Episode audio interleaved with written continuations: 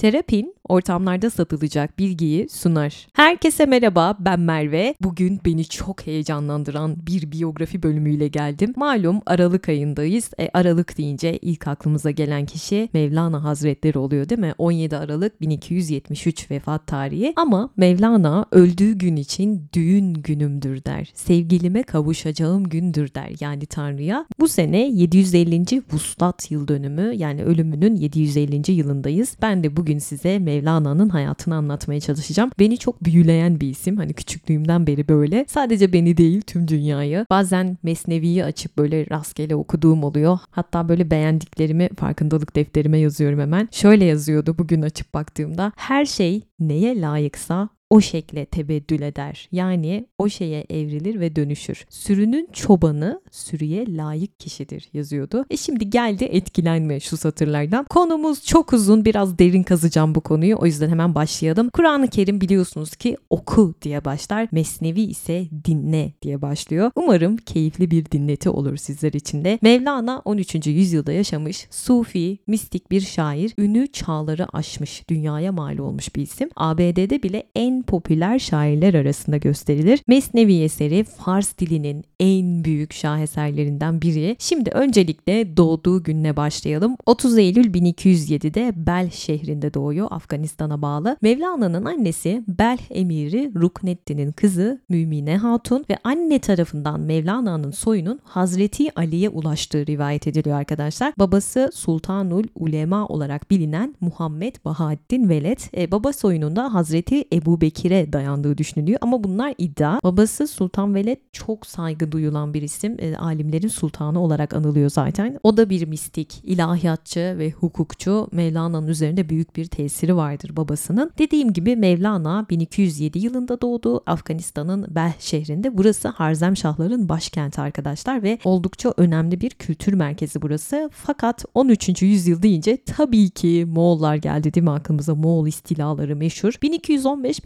1220 yılları arasında Moğol istilasından dolayı Mevlana'nın babası Bahattin Veled ailesini ve müritlerini yanına alıp yola düşüyor. Ama şöyle bir ihtimal de var. Bahattin Veled Harzemşahlara çok yakın bir isim ve onlarla arasında bir kırgınlık olduğu da söylenir. Hani bunu da bilin. Şimdi burada çok ünlü bir efsane var arkadaşlar. Anlatmadan geçmek istemiyorum. Mevlana ve babası bu göç esnasında İran'ın Horasan eyaletinde Nişabur'da İranlı mistik şairlerden Feridüddin Attar'la karşılaşıyor. Kendisinden Simur bölümünde bahsetmiştim. Kendi hakikatine yolculuk bölümü oldular hatırlar. Feridüddin Attar, Mevlana'nın yüceliğini fark eden ilk isimlerden birisi ve ona Esrarname adlı eserini hediye ediyor ki bu Mevlana'yı çok etkilemiştir bu eser. Ve babası Bahattin Veled diyor ki çok geçmeyecek ki bu senin oğlun alemin yüreği yanıklarının yüreğine ateşler salacaktır diyor. Sonra Mevlana babasıyla yeniden yola düşüyor ve babası haç görevini tamamladıktan sonra Şam'a uğruyorlar. Şam'da da Muhyiddin İbnül Arabi ile görüşüyorlar. Bu iki isim Feridüddin Attar ve İbni Arabi e, kelimelerim yetmez anlatmaya. Hele ki İbni Arabi yani onun vahdedi vücut tasavvuru ara ara bahsediyorum. İbni Arabi der ki her söz sahibinin kalbi nasılsa ağzından öyle çıkar diyor ve alimlerin sultanı babasının ardından yürüyen Mevlana'ya bakarak diyor ki işte bir deniz ardından okyanus geliyor diyor. Yani bir deniz ardına okyanusu takmış gidiyor diyor. Mevlana ailesiyle beraber Belh'ten yola çıktıktan sonra Nişabur, Bağdat, Mekke ve Şam gibi şehirleri dolaşarak böyle ilim dolu bir yolculuk yaptıktan sonra nihayet Anadolu'ya ulaşıyor. Anadolu'da ilk önce Karaman'da ikamet ediyorlar sonra Konya'ya geliyorlar. Bu arada adının anlamından bahsetmedim. Mevlana Celaleddin Muhammed Rumi'dir esas adı. Celaleddin Muhammed Belhi olarak da bilinir. E, batı'da zaten Rumi deniliyor biliyorsunuz. İran ve Pakistan'da Mevlevi diye de duyarsınız. Belhi denme sebebi doğduğu şehir Belh olduğu için. Çocukluk yıllarının dışındaki yıllarının tamamı diyarı Rum'da geçtiği için yani Rum diyarında geçtiği için de Rumi olarak biliniyor. Rum ülkesinden Anadolulu anlamındadır bu da. Konevi diye duyarsanız bu da Konyalı anlamındadır arkadaşlar. Mevlana Mevla'dan geliyor. Yani efendi, sahip, malik anlamında. E, Arapça bir e, sıfat Mevla. Yani onu yüceltme amacıyla Mevlana deniliyor. Efendimiz anlamında. E, sevgi ve manevi yakınlık da ifade eder bu. Sonuna eklenen na zamiri bizim yani Efendimiz diyoruz ya bizim anlamına geliyor. Allah için Mevlana dersek de Rabbimiz anlamına geliyor. İnsanlar için kullanılınca dostumuz, Efendimiz anlamı taşıyor. Mevlana bir hikmet ifadesi yani kendi adı dediğim gibi Muhammed babasının adıyla aynı. Lakabı ise Celaleddin, dini savunan, dinin övdüğü kişi gibi bir anlamı var. Mevlana'nın bir de kız kardeşi var Fatma Hatun. O evli olduğu için Belt'te kalıyor. Hani aileye eşlik etmiyor göç yolculuğunda. Bir de abisi var. Ee, onun adı da Alaaddin Muhammed'dir. Mevlana henüz 17 yaşındayken Karaman'da Gevher Hatun isimli bir e, hanımefendiyle evleniyor ve bu evlilikten Mevlana'nın 3 oğlu bir kızı oluyor.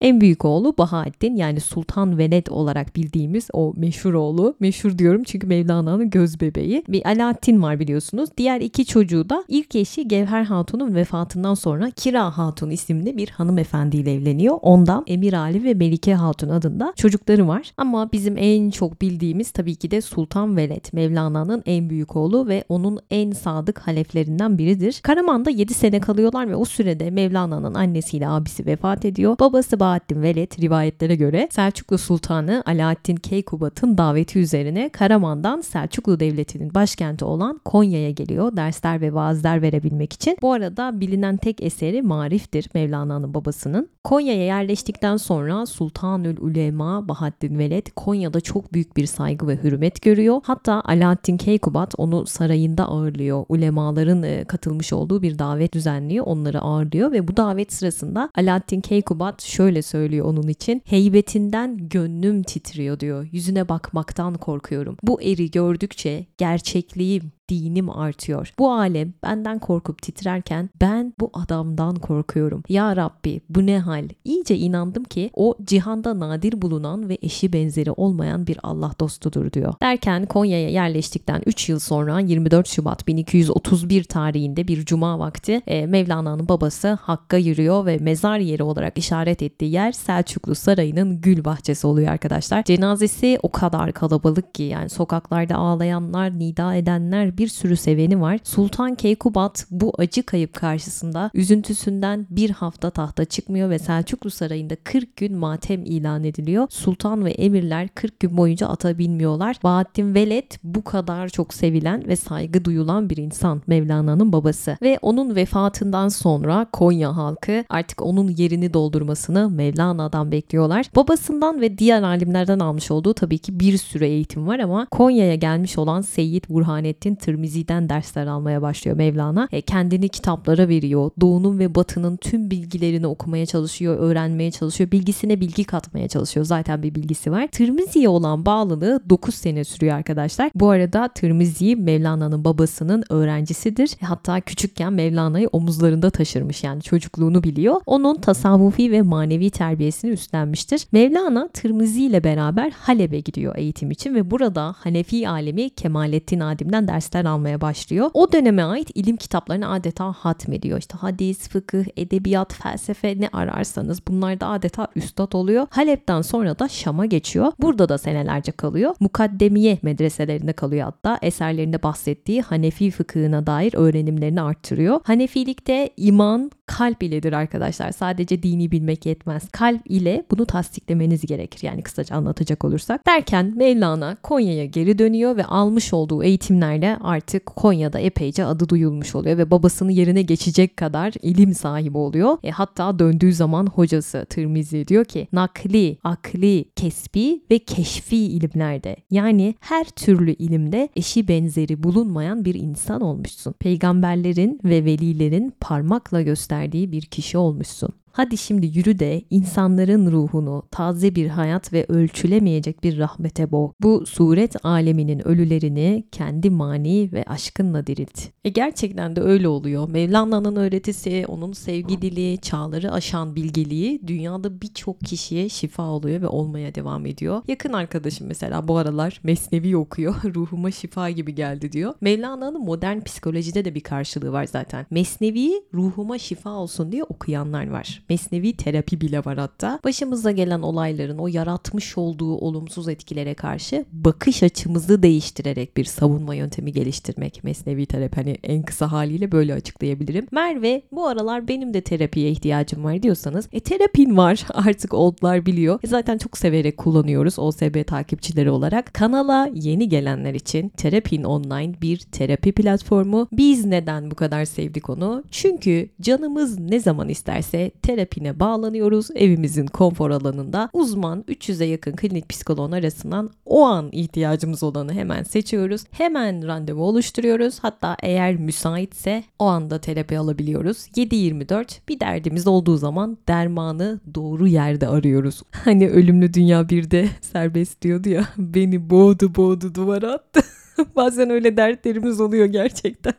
Sizi boğup böyle duvara atan dertleriniz için gerçekten terapin çok iyi geliyor. Atıyorum işte ergen çocuğumla derdim var. Ona nasıl yaklaşacağımı, nasıl bir iletişim kuracağımı bilemiyorum. Ya da işte iki yaş sendromuyla başım dertte ne yapacağım? Eşimle büyük sorunlar yaşıyorum. Arkadaşlarıma anlattığım zaman e, e boşansana diyorlar mesela. Böyle cevaplar alabiliyorsunuz. Hiç gerek yok. Gerçekten bu konulara özellikle uzmanına danışın derim. Ya da sevgilinizden ayrıldınız. Çok mutsuzsunuz. Ya da hayatınızda hep problemli insanları çekiyor olabilirsiniz. Cinsel hayatınızda sorunlar olabilir. Kimseye anlatamıyor olabilirsiniz. Sınava gireceksiniz. Belki genç bir insansınız. Kaygılarınız var. Kendimle alakalı problemler yaşıyorum diyorsanız hepsinin çözümü terapinde var. E Merve ben daha önce hiç terapi almadım. Hani nasıl kendime en uygun olan terapisti bulacağım diyorsanız çok kolay arkadaşlar. Aşağıdaki linke tıklıyorsunuz. Karşınıza mini bir test çıkacak. Hemen cevaplandırın. O zaten size probleminize göre en uygun terapistle eşleştiriyor. Eşleştiniz. Ondan sonra ne olacak? Randevu oluşturuyorsunuz ya da müsaitse hemen seans yapıyorsunuz. Fiyatları da psikologlar kendileri belirlediği için her bütçeye uygun psikolog var. Merak etmeyin. Kamera açmak zorunda değilsiniz. Bu çok hoşuma gidiyor. Anonim isimle de katılabiliyorsunuz. Seans bittikten sonra psikoloğunuzla uygulama üzerinden ücretsiz ve sınırsız mesajlaşabiliyorsunuz. Sistemde yer alan psikologlara yazılan danışan yorumlarına da bakın arkadaşlar. Onlar da karar vermenizde iyi bir yönlendirici oluyor. Ruhunu şifalandırmak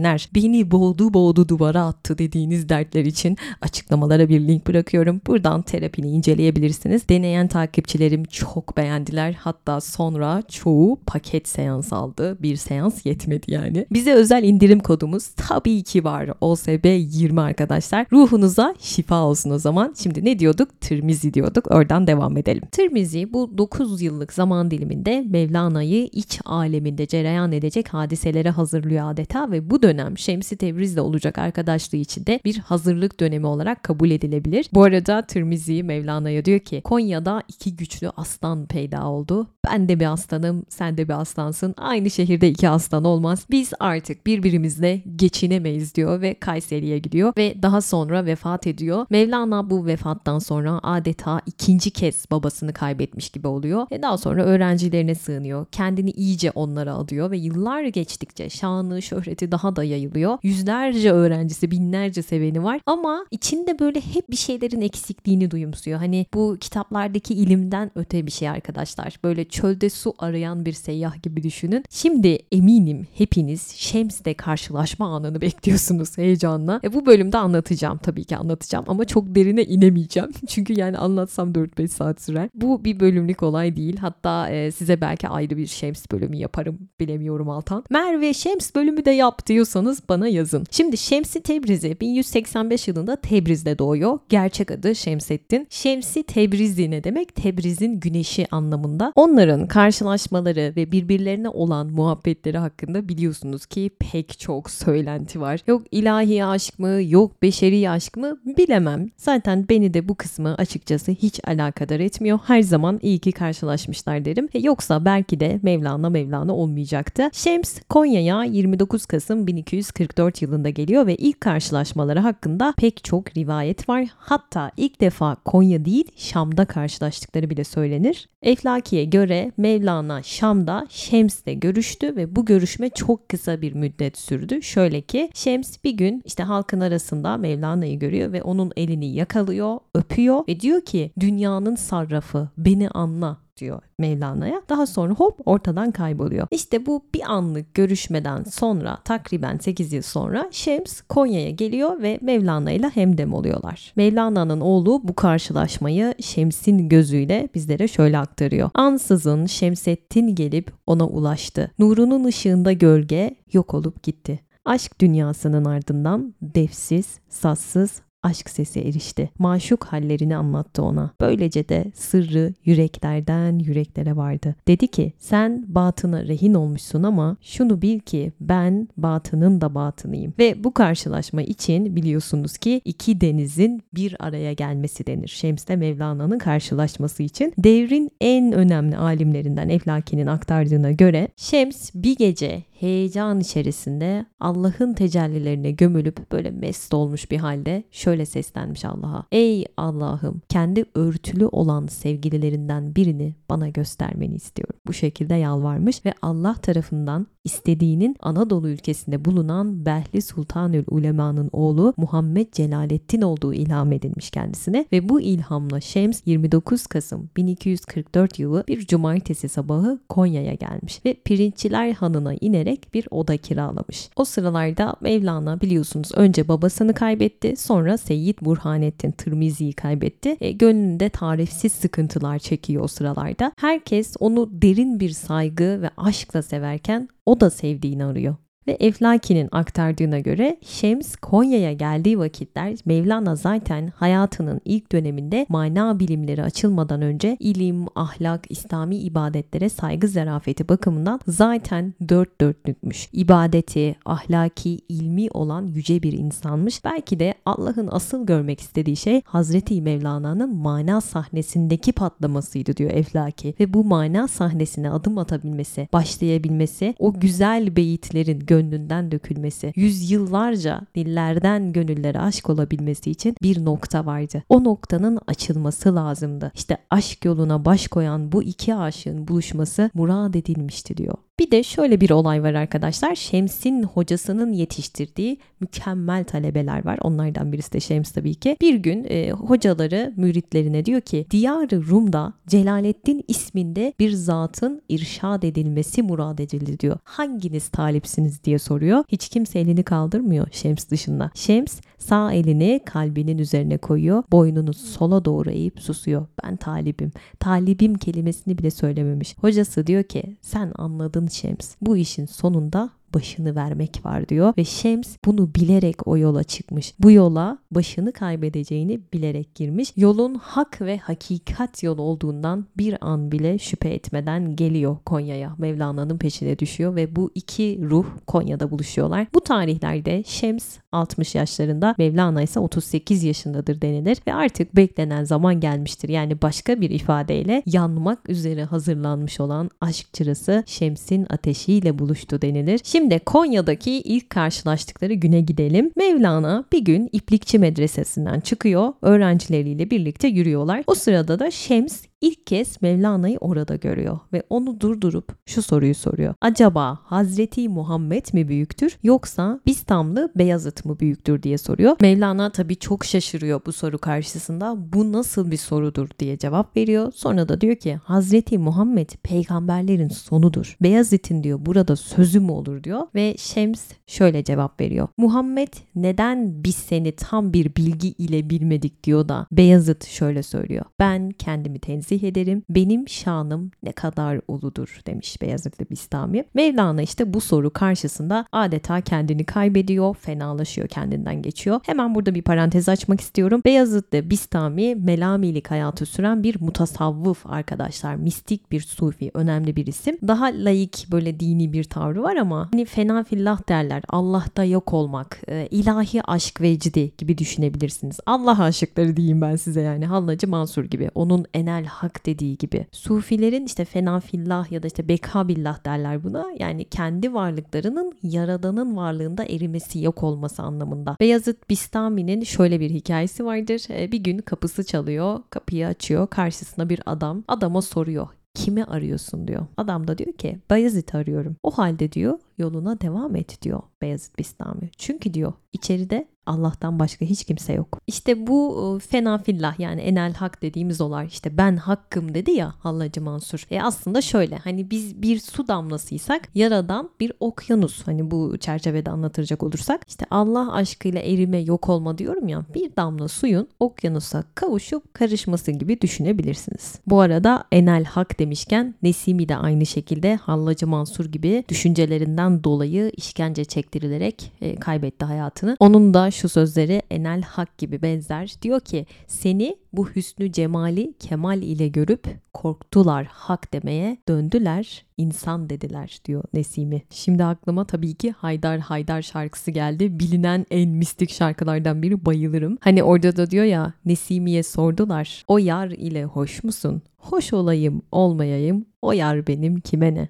Oradaki yer Tanrı aşkı. Neyse dönelim karşılaşma anlarına. İşte bu olaydan sonra Mevlana ayılıyor ve Şems'i kendi medresesine davet ediyor. 40 gün boyunca hiç kimsenin yanlarına girmesine müsaade etmiyorlar. 3 ay diyen de var bu arada. 3 ay visal orucu tuttular da denilir. Her ikisi de yemeden içmeden kesiliyor. Hatta doğru dürüst uyumuyorlar bile. Mevlana adeta aradığı hazineyi bulmuş gibi. Hani bir boşluk vardı içinde demiştim ya. O boşluğun Şems olduğunu anlıyor. Mevlana bir kibritti derler. Şems ise onu yakan ateşti. Şems böyle kendine has, sıra dışı, kalender bir derviş. Kalıpların dışında çağa aykırı. Mevlana tabii ki önceden de bir bilgindi. Yine saygı duyulan, sevilen bir insandı ama aşık değildi arkadaşlar. Henüz şair değildi. Çünkü henüz yanmamıştı. Hani diyor ya hamdım, piştim, yandım. Yanacağı zamanlar geliyor. Bir başka rivayet de şudur karşılaşmalarına dair. Şems böyle siyahlar içerisinde adeta bir meczubu andıran görüntüsüyle böyle giyinmeye kuşanmaya hiç önem vermeyen bir insan zaten. Mevlana'nın karşısına çıkıyor ve diyor ki ey hoca sana bir sorun var diyor. E tabi etraftaki herkes şaşırıyor. Çünkü hani Mevlana'nın önünü kesip böyle bir sohbet etmek sokağın ortasında kimsenin haddine değil. Çünkü Mevlana sohbet meclislerinde sohbet eden bir insan. Dediğim gibi çok saygı duyuluyor. Diyorlar ki kim bu meczup hani Mevlana'ya bu şekilde konuşabiliyor. Şems tabi hiç aldırış etmeden şu soruyu soruyor Mevlana'ya. Bütün bu okuduğunuz, öğrettiğiniz ilmin gayesi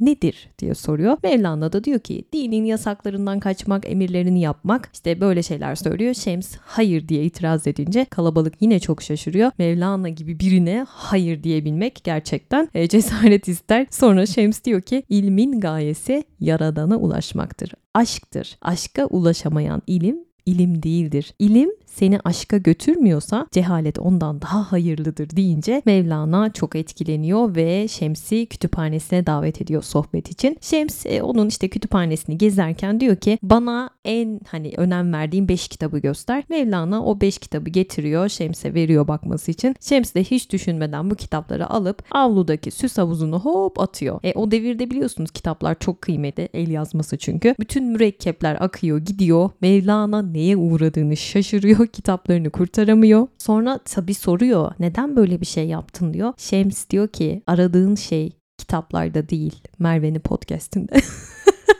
Arkadaşlar az sonra uçacağım yani bu kadar tasavvuftan sonra. Zaten böyle şeylere çok meylim var biliyorsunuz. Diyor ki Şems aradığın şey kitaplarda değil. Onu okuyarak bulamazsın. Aradığın şeyi dünyada arayacaksın. Onu yüreğinde bulacaksın. Dünyadaki tüm kitaplar, tüm hesaplar sadece bir akıl oyunudur. Bütün bu kelimeler, sözler, laflar sevginin yerini tutamaz. Okuyarak öğreneceksindir belki ama ancak aşkla anlayacaksın diyor. Kır kaleminin ucunu diyor Mevlana'ya. Bundan sonraki yolculuğumuz aşk yolculuğudur. Aşkı kalem yazmaz ki kitaplarda bulasın. Bırak artık kitapları aşk denizine dal diyor. Mevlana onun dediklerine kulak veriyor, sözlerini kalbine koyuyor. Bu aşk metafiziksel bir aşktı onlara göre ama çok geçmeden halk Mevlana'daki değişimden rahatsız oluyor. Artık onun giyimini, kuşamının sadeleşmesi, gözünün Şems'ten başkasını görmemesi, öğrencilerini, müritlerini geri plana atması halk arasında tabii bir takım çalkantılara sebep oluyor. Diyorlar ki bu adam kim oluyor ki bizim şeyhimizi ırmağın bir saman çöpünü kapıp sürüklediği gibi kaptı da bizden ayırdı diyorlar. Şems'in canına kıymak istiyorlar. Artık yani öyle bir noktadalar ki kim kimin mürşidi belli değil arkadaşlar. Adeta bir bütün olmuşlar,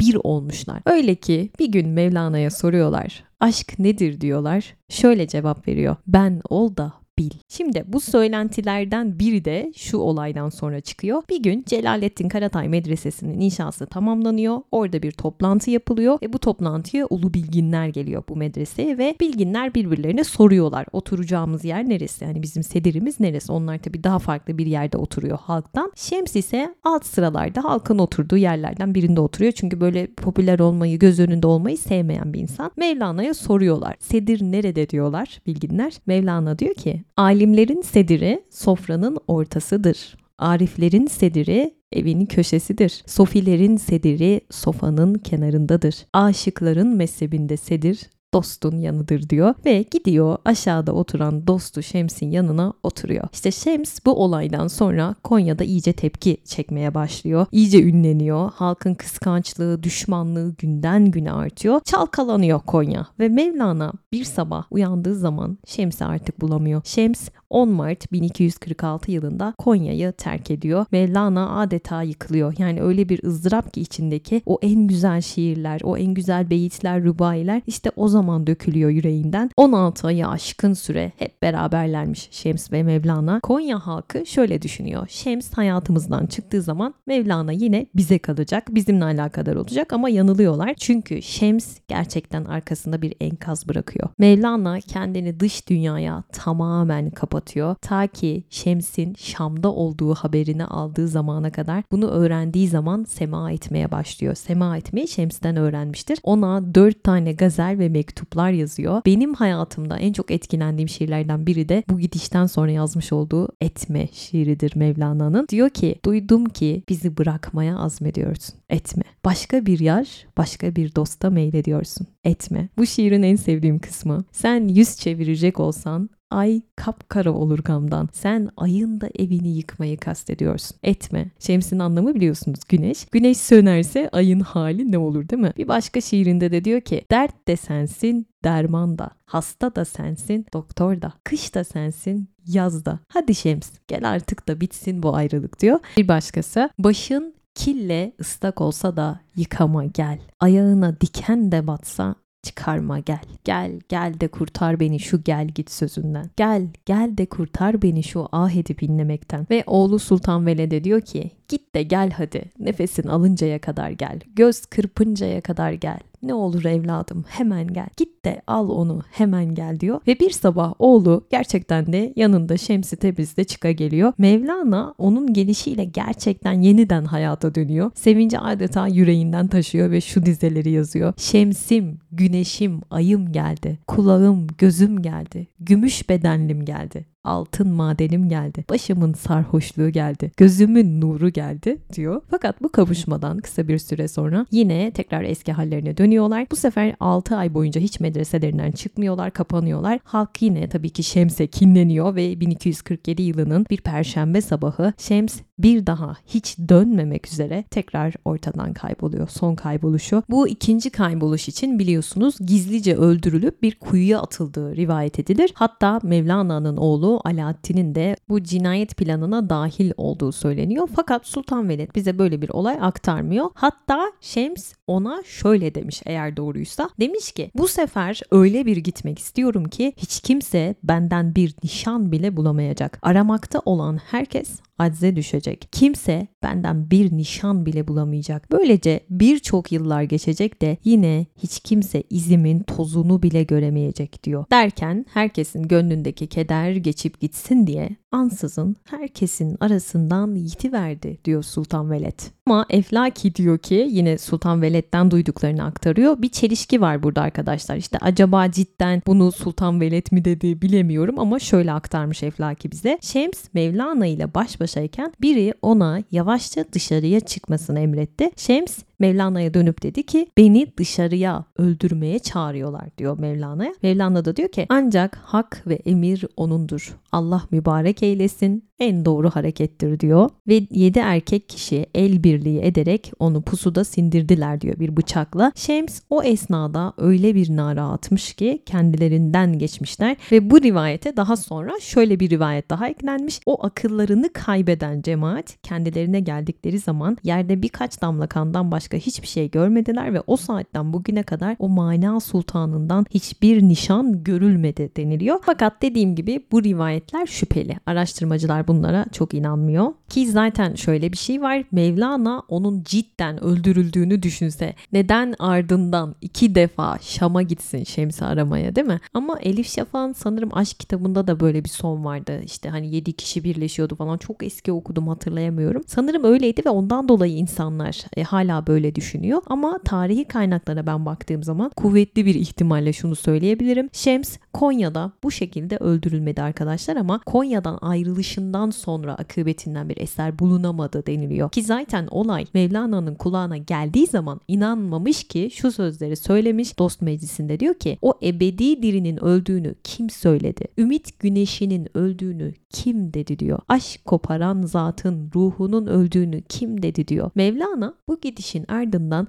40 gün sonra artık e, başına duman rengi bir sarık sarıyor ve bir daha asla beyaz sarık takmıyor. Bir hırka geçiriyor sırtına ve ömür boyu artık tek kıyafetleri bunlar oluyor. Mevlana'nın tarikat ve usulünün değişmesi, semadaki samimiyeti yine insanları kendisine pervane ediyor. Tabii bu sema olayı raks gibi yani dans gibi göründüğü için raks etmek yani dans etmek haramdır. Sema haramdır deniliyor tutucu halk tarafından ve dinimizi zayıflatır diyorlar. Karşı çıkanlar çok. Mevlana dediğim gibi bu gidişin ardından mahvoluyor ve yine o yürek yangınıyla bir sürü şiirler yazıyor. Onu aramak için iki kez Şam'a gidiyor, yollara düşüyor ama maalesef bulamıyor. Divanı Kebir'deki Şems mahlaslı şiirlerini bu ayrılık acısıyla kendinden geçtiği dönemde yazdığı söylenir. Bu arada o kadar çok yalan haber geliyor ki etraftan işte Şems'i falan yerde gördük, şurada gördük falan diye. Mevlana da her kim onu gördüğünü söylerse hani bir umut ya çıkarıp hırkasını verirmiş müjdeyi getiren kişiye. Hatta bir gün düzenbaz böyle yalancı olduğu aşikar olan bir adam geliyor. Şems'i diyor Şam'da gördüm. Mevlana sevinçten çılgına dönüyor. Neyi varsa veriyor. Sarığını veriyor, hırkasını, ayakkabısını, her şeyini adama bağışlıyor. E bunu gören bir dostu da diyor ki bu adam yalan söylüyor. Şems'i falan görmedi. Yalan diyor. Mevlana da ona şöyle cevap veriyor. Yalanına hırkamı verdim. Gerçeği söyleseydi canımı verirdim diyor. Tüyler diken.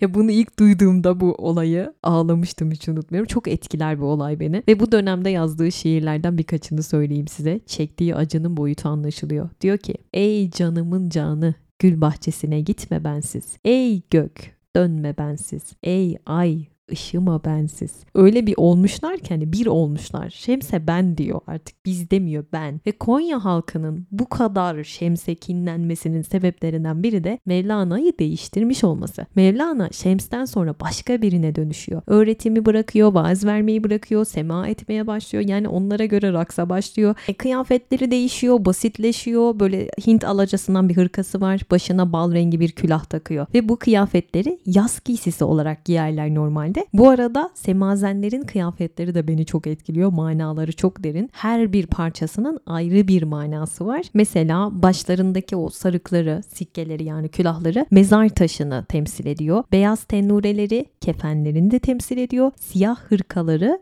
kabirlerinin temsili e, ve sema yaklaşık 8 asırdır icra ediliyor biliyorsunuz. Kainatın oluşumu ve insanın alemde dirilişini anlatır o sema gösterileri. Siyah hırka kararmış nefis anlamındadır. Hani bizi tutsak eden nefsimiz, düşmanımız anlamında o siyah hırka. Semazenler o yüzden e, semaya başlarken o siyah hırkayı çıkarırlar. Yani bu nefisimden arınıyorum anlamına geliyor ve dönerlerken o tennurelerinin daire şeklinde açılmasının bile bir anlamı var. Ölmeden önce öldüm, sana geldim Tanrım anlamındadır o. Ama semah aslında ölümü değil, yeniden doğuşu anlatır. Suretler aleminden hakikatler alemine geçiş gibidir. Mevlevi sikkelerinin yani taçlarının o külahlarının kahverengi, toprak renginde olduğunu görmüşsünüzdür. Bunun sebebi de topraktan geldik, toprağa gidiyoruz anlamında. Ve semazenlerin giydiği kıyafetlerde bütün böyle çift olan şeyler, mesela sikkeleri bile birbirine yapışıktır. iki parçadan oluşur. Sikke takmak bir mevkinin sembolü. Herkes takamaz. Peki neden çifttir? Çünkü bütün çift olan şeyleri teklik kılıfı altında gizleyerek Allah'ın tekliğini sembolize ediyor bu kıyafetler. Çokluk içerisindeki teklik, Allah'ın birliği anlamında. Tenurelerin beline sarılan o kemere de Elif'i deniliyor. Bu da 3 kere veya 7 kere dolanıyor. 7 muhtemelen göğün 7 kat inancından dolayı. 3 ise Cebrail'in Hazreti Muhammed'e taç, hulle, kemer, asa ve burak getirmesi ve gelişinde beline 3 defa bu kemer ile sarıp sarmaladığı inancından dolayı yani manevi bir yolculuğa çıkış anlamında o kemer. Bir de eline, beline, diline sahip ol gibi bir anlamı da var. Ahde beyata yani bağlılığa ve hayrete bel bağladım gibi bir anlamı da var. Peki sema esnasında kolların iki yana açılmasının anlamı ne? Hani sağ avuç gökyüzüne bakar, sol avucunda yeryüzüne baktığını görürsünüz dönerlerken. Bu da haktan alıp halka veririz anlamında. Hiçbir şeyi kendimize mal etmeyiz anlamında. Semada duyduğumuz ney sesi biliyorsunuz Mevlana Mesnevisinin ilk beytinde ne diyordu? Dinle değil mi? Dinle neyden, duy neler söyler sana. Derdi vardır ayrılıklardan yana diye başlıyor. Neyin manevi anlamı o kadar büyük ki. Yani arkadaşlar bu podcast 4-5 saat olsa olurmuş. Her şeyi anlatmak istiyorum şu anda ama süremiz yetmeyecek. Belki devamı gelir. Ney önce e, sazlıktan koparılıyor biliyorsunuz. Tıpkı bizim dünyaya geliş yolculuğumuz gibi. Bir zaman beklemeye bırakılıyor. Hani hemen böyle yapılmaz ney bekletilir. Bu bekleme olayı aslında sabrın temsilidir. Sonra rengi yeşilden dönmeye başlar başlar. Yani olgunlaşmaya, sararmaya başlar. Sonra kamışı saran sert kabuklar ayıklanır ve bu bizim aslında egolarımızdan aranışımızdır. Sonra özü ortaya çıkar neyin? Çünkü egolarımız aslında ardımızda kaldığı zaman ne olur? Öze giden yolculuğumuz başlar değil mi? Ve sonra yine bekletilir. Sabreder, sabreder ve sabretmeyi öğrenir. Sonra kızgın bir demirle kamışın içi delinir ve boşaltılır. İşte bu hiçliktir arkadaşlar o boşluk. Tıpkı Şems'in dediği gibi bir hiçlik diyor ya şu dünyada herkes bir şey olmaya çalışırken sen hiç ol. Menzilin daima yokluk olsun. İnsanın bir çömlekten farkı olmamalı. Çömleği sağlam tutan şekli değil, içindeki boşluktur. İşte tıpkı bunun gibi İnsanı da insan yapan şey benlik zannı değil, hiçlik bilincidir diyor. Sonra o neyin gövdesine kızgın demirle delikler açarlar, yedi delik açarlar. Bu yedi nefis mertebesidir. Neyin başına takılan başpare ise onun olgunluğunun bir nişanıdır. Yani neyin geçtiği yollara bakar mısınız? Tıpkı bir insan gibi değil mi? Çektiği ızdıraplar, etmiş olduğu sabırlar. Ne diyordu Mevlana? Her şey üstüne gelip seni dayanamayacağın bir noktaya getirdiğinde sakın vazgeçme. Çünkü orası kaderinin değişeceği yerdir. Bunca acıdan sonra o ney, neyzenin bir nefesiyle öyle bir ses çıkarır ki tüm ruhumuza işler o ses. Ney insanı kamilin temsilidir arkadaşlar. Neyin üflenmesi aynı zamanda İsrafil'in suru üflemesidir derler ve ney için sufiler sır taşıyıcısı derler. Size Mevlana'yı en çok etkileyen isimlerden biri olan mistik sufi mutasavvuf Feridüddin Attar'dan bahsetmiştim. Onun aktardığı şöyle bir hikaye vardır. Hazreti Muhammed Miraç'tan sonra pek çok sırra nail oluyor biliyorsunuz öyle söyleniyor. Tekamülün en üst mertebesidir orası ve sürekli düşüncelere dalıp gidiyor. Bir gün yine böyle tefekkür ederken içeri Hazreti Ali geliyor. Onu böyle çok düşünceli görünce soruyor. Neden böyle düşüncelisiniz diyor. Hazreti Muhammed de diyor ki bana verilen sırları düşünüyorum diyor. Hazreti Ali merakına engel olamıyor. Diyor ki küçücük bile olsa ne olur diyor bana da söyler misiniz o sırları? Hazreti Muhammed kaldıramazsın diyor ama yine de bir kısmını anlatıyor. Hazreti Ali o sırların yüküyle öyle bir yük yükleniyor ki onları bir yere boşaltmak istiyor o yükünü ama hiç kimselere diyemiyor. Çünkü dediğim gibi bu büyük bir sır. Gidiyor Mekke'nin dışında kör bir kuyuya haykırıyor içindekileri. Rahatlıyor rahatlamasını ama kör kuyu aldığı o sırrın yükünü taşıyamıyor. Suları yükseliyor yükseliyor derken taşkın oluyor. Taşan suların etkisiyle etrafındaki kamışlıklar büyümeye başlıyor ve artık o sırların tüm yükü o kamışların içerisinde saklanıyor. Ve bir gün bir çoban o taze kamışların rüzgarla nasıl güzel bir ses çıkardığını fark ediyor ve bir kamış alıyor eline, kurutuyor onu, bekletiyor. Gövdesine yedi delik açıyor ve bir ney yapıyor o kamışlardan. Başlıyor çalmaya. İşte bu ses çobana yakın bir yerde bulunan Hazreti Ali ve Hazreti Muhammed'in kulağına gidiyor. Hazreti Muhammed Hazreti Ali'ye diyor ki sen benim sırlarımı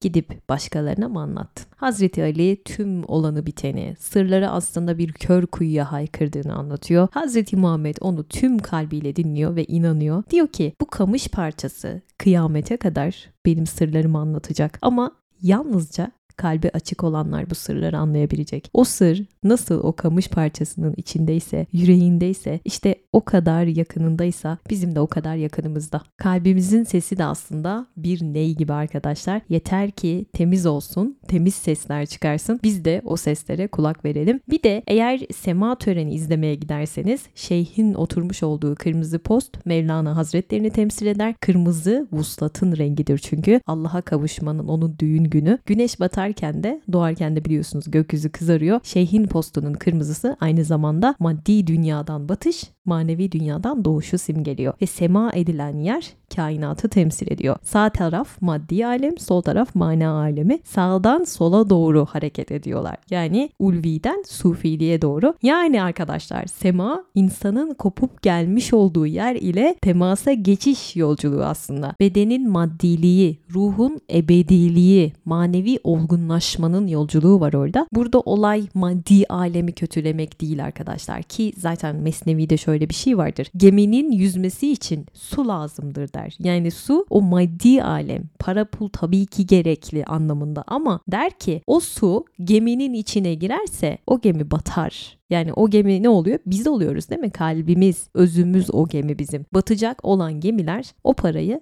cebine değil kalbine koyanlar. Yani parayı kalbinize değil cebinize koyun diyor. Ve tıpkı kainatın sürekli dönüşü gibi sema edenler de dönerler. Semazenler biliyorsunuz sağdan sola doğru dönerler. Kalplerinin etrafında dönerler. Ve o dönüş esnasında kollarını iki yana açışları bütün yaradılanları sevgiyle kucaklama anlamındadır. Yaradılanı severim, yaradandan ötürü demektir. Kollarını iki yanda aşağıda tutuşları böyle bir şeklinde oluşları yani Allah'ın tekliğini birliğini ifade eder. Bu aralar gidebilirsem Konya'ya gideceğim. Şey bir aruz törenine çok heyecanlıyım. Velhasıl kelam Mevlana iki sene Şems'i aradıktan sonra tekrar Konya'ya dönüyor ve kendini iyice semaya veriyor. Sonra eski bir dostu olan kuyumcu Selahattin'le kurmuş olduğu dostluk onu böyle biraz olsun hayata geri döndürüyor. Bir de sır katibi vardır Mevlana'nın yakın öğrencisi Çelebi Çelebi, Hüsamettin ikisinde teselli bulmuş ve Mesnevi'nin temelleri Şems'in gidişinin ardından atılıyor biliyorsunuz. Mesnevi'nin ilk 18 beytini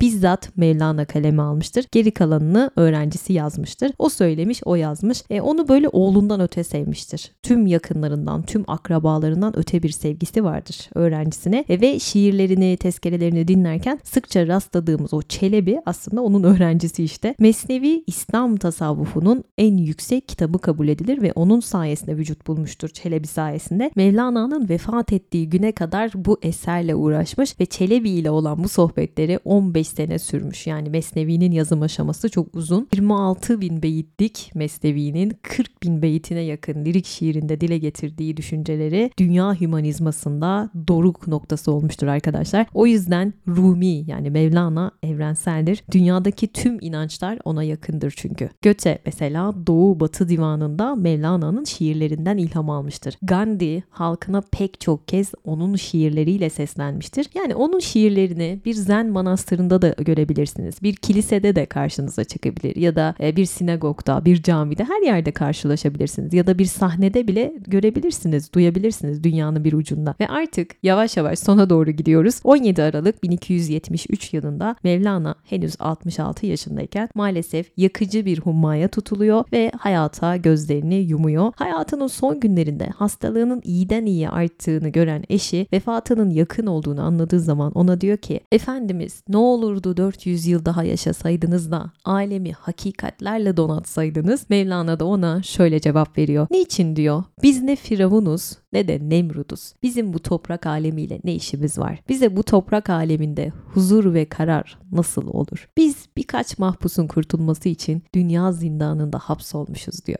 Biz ne için aşağı indik diye soruyor. Bu zindanın kapısını açınız. Bu ne biçim yerdir? Ortada zavallıların menfaatleri olmasaydı bu toprak meskeninde bir an bile bulunmazdık. Ben insanlara faydam dokunsun diye dünya zindanında kalmışım. Yoksa hapishane nerede, ben neredeyim? Kimin malını çalmışım ki mahkum olmuşum diye cevap veriyor. Mevlana'nın ölmeden önce insanlara vasiyet ettiği din dışındaki tavsiyeleri şöyledir arkadaşlar. Az yiyin der Mevlana, az uyuyun, az konuşun, aptallarla ve cahillerle oturmayın, güzel davranışlı, olgun insanlarla bir arada bulunun. İnsanların en hayırlısı insanlara yararı olanlardır diyor ve oğlu Sultan Veled'e şöyle dediği rivayet edilir. Bahattin senin düşmanını sevmeni düşmanının da seni sevmesini istersen 40 gün onun hayrını ve iyiliğini söyle. O düşman senin dostun olur. Çünkü gönülden dile yol olduğu gibi dilden gönüle yol vardır. Cenaze merasiminde izdiham oluyor Mevlana'nın. Her dinden, her milletten insan akın akın geliyor ve Müslümanlar diğer din mensuplarını görünce diyorlar ki o bizim dinimizin imamıdır. Hani sizin burada ne işiniz var demeye getiriyorlar. Onlar da şöyle cevap veriyor. Siz Müslümanlar Mevlana'yı nasıl nasıl devrin Muhammed'i olarak tanıyorsanız bizler de onu zamanın Musa'sı ve İsa'sı olarak biliyoruz. Siz nasıl onun muhibbiyseniz biz de bin misli daha çok onun kulu ve müridiyiz. Mevlana'nın son sözlerinden biri şunlar olmuştur. Der ki, öldüğüm gün tabutum götürülürken ben de bu dünya derdi var sanma. Benim için ağlama. Yazık vah deme. Şeytanın tuzağına düşersen o zaman eyvah demenin sırasıdır. Cenazemi gördüğün zaman ayrılık vaktidir deme. Benim buluşmam, kavuşmam işte o zamandır. Beni toprağa verdikleri zaman elveda demeye kalkışma. Mezar cennet topluluğunun perdesidir. Batmayı gördün değil mi? Doğmayı da seyret. Güneşle aya batıştan hiç ziyan gelir mi? Mevlana 73 mezheple beraberim der arkadaşlar. Büyük olsun, küçük olsun, zengin, fakir hiç fark etmez. Herkese aynı muameleyi gösterir. Kibir, gurur, kendini beğenmişlik onda zerre kadar görülmezmiş ki zaten bu onun bu kadar çok sevilmesinin sebebidir. Ondaki bu insan sevgisi. Hatta bir gün huzuruna İstanbul'dan bir rahip geliyor. Onun ilmini işitip gelmiş, merak etmiş. Konya'ya ziyaretine gelmiş. Mevlana bu rahibin önünde 33 kere eğilince yoluna baş koyunca boyunca rahip feryat etmiş, üstünü başını yırtmış. Demiş ki ey din sultanı bu ne kadar tevazu, bu ne kadar gönül alçaklığı ki benim gibi bir çareye bile gösteriyorsun. Mevlana da şöyle demiş, Tanrı'nın kullarına nasıl alçak gönüllülük göstermeyeyim? Niçin kendi küçüklüğümü belli etmeyeyim? Eğer böyle yapmazsam neye, kime yararım diyor ve rahip bir süre sonra onun müridi oluyor. Müslüman olduğu söyleniyor ve bunun üstüne Mevlana biz küçüklüğümüzde, alçak gönüllülüğümüzde ona üstün geldik diyor. Ne diyordu Mevlana? Şefkat ve merhamette güneş gibi ol. Başkalarının kusurunu örtmekte gece gibi ol. İyilik ve cömertlikte akarsu gibi ol. Hiddet ve asabiyette ölü gibi ol. Tevazu ve alçak gönüllülükte toprak gibi ol. Hoşgörülülükte deniz gibi ol. Ya olduğun gibi görün ya göründüğün gibi ol. Gel, gel ne olursan ol yine gel. İster kafir, ister mecusi, ister puta tapan ol, yine gel. Bizim dergahımız ümitsizlik dergahı değildir. Yüz kere tövbeni bozsan da yine gel. Birleşmiş Milletler ve UNESCO onun öğretilerini, sevgi ve barış felsefesini tüm dünyaya bir kez daha anlatmak adına 2007 senesini biliyorsunuz Mevlana yılı ilan etmişti. Mevlana hayatımın özeti, hamdım, piştim, yandım der. Ve Mevlana'nın yaktığı ateş insanlık sevgisi, hümanizmi 13. yüzyıldan beri hiç sönmedi. Hala devam ediyor 800 yıldır. Hala onu konuşuyoruz. Sevgisiyle, sevgiyle anıyoruz onu. Mevlana der ki ölümümüzden sonra mezarımızı yerde arama. Bizim mezarımız arif kişilerin gönüllerindedir. Aynı dili konuşanlar değil, aynı duyguları paylaşanlar anlaşır derler. Beni dinleyenlerle eminim bugün aynı duyguları paylaştım. Mevlana der ki doğru ile yanlışın ötesinde bir yer var. Seninle orada buluşacağız. Terapin ortamlarda satılacak bilgiyi sundu. Bize özel indirim kodumuz OSB20. Şimdi sizi beni bu hayatta en çok etkileyen Mevlana şiirlerinden biriyle baş başa bırakıyorum. Yılmaz Erdoğan'ın müthiş seslendirmesiyle Mevlana'nın Şems'in gidişinin ardından yazmış olduğu bu şiir.